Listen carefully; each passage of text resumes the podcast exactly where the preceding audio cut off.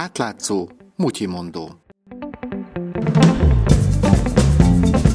Üdvözlöm Önöket, Csengeri Kristófot hallják. Az idei év a stadionoké lesz. Ismét több milliárd forint közpénzből épít, renovál vagy épp bontássport létesítményeket a magyar állam. Csepregi Botondot, az átlátszó újságíróját hallják. Vegyük sorra, miről van szó. Novemberben elkezdték az MTK-nak a Hideg Utinándor stadionjának a építését. Elkezdték bontani januárban a Videótonnak a Stórsai stadionját, februárban pedig nekiestek a Haladás Szombathelyi stadionjának, és néhány napja pedig már szedik szét a Puskás stadiont is. A szombathelyi beruházások még ebben az érdekes sorozatban is különleges helyet foglalnak el. A projekt ugyanis a rászánt összegnél sokkal többet kapott. A szombathelyi stadion beruházás esetében az történt meg, hogy korábban ismert 9,6 milliárd forintos kerethez képest a közbeszerzési eljárásban az ajánlatra sokkal nagyobb összegű ajánlatok érkeztek be a lehetséges kivitelezők részéről.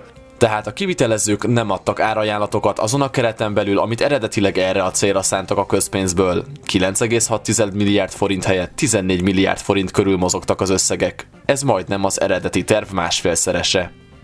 Ez elég nagy meglepetés volt ez az óriási összekülönbség. Az viszont már kevésbé, hogy a Sviteszki Magyarország és a Záév a konzorciuma nyerte el a megbízást.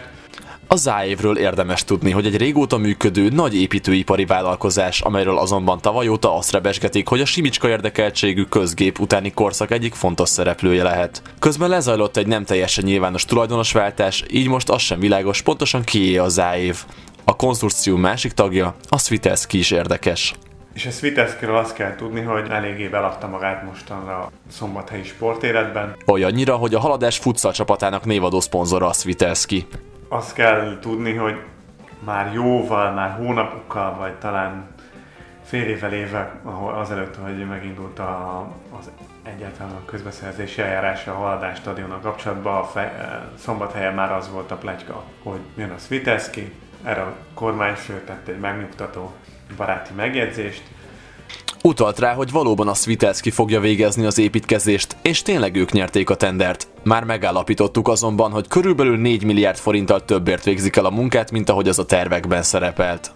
Ez nagyon, nagyon érdekes és nagyon talányos történet, hogy uh, hogyan zajlik szombathelyen ez a x milliárd forint különbségnek a, a rendbetétele, és azt történik, hogy kibontják az ajánlatokat, meglátják, hogy ez sokkal több pénz megkerül, mint amit a kormányhatározat nekik garantál, amiről három oldalú támogatási szerződés van. Megy egy levél a minisztériumba, szombathelyről majd január legelején érkezik egy megnyugtató levél, nincs itt semmi gond, kérem szépen, a kormány 2041 per 2015 számú határozata legfeljebb plusz 5,7 milliárd forint támogatást biztosít még a 2017-es évre a szombathelyi sportlétesítmény beruházásokhoz. Ez a kormányhatározat nem található meg a magyar közlönyben.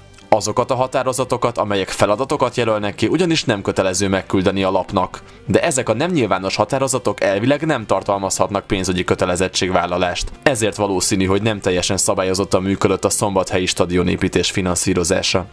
Csepregi Botondot, az átlátszó újságíróját hallották, a mai Mutyi Mondót Csengeri Kristóf készítette, közreműködött Mongatilla. És végül egy kérés. Az átlátszó olyan témákat dolgoz fel, amelyeket mások elhanyagolnak – olyan ügyeket tár föl, amelyek sokaknak kényelmetlenek. Olyan hatalmasságoktól perel ki dokumentumokat, akikkel más nem akar újat húzni. Nincsenek mögötte oligarchák, nem reklámokból él, és nem lehet megvenni. Támogass bennünket legalább havi ezer forinttal. Részletek az átlátszó weboldalán.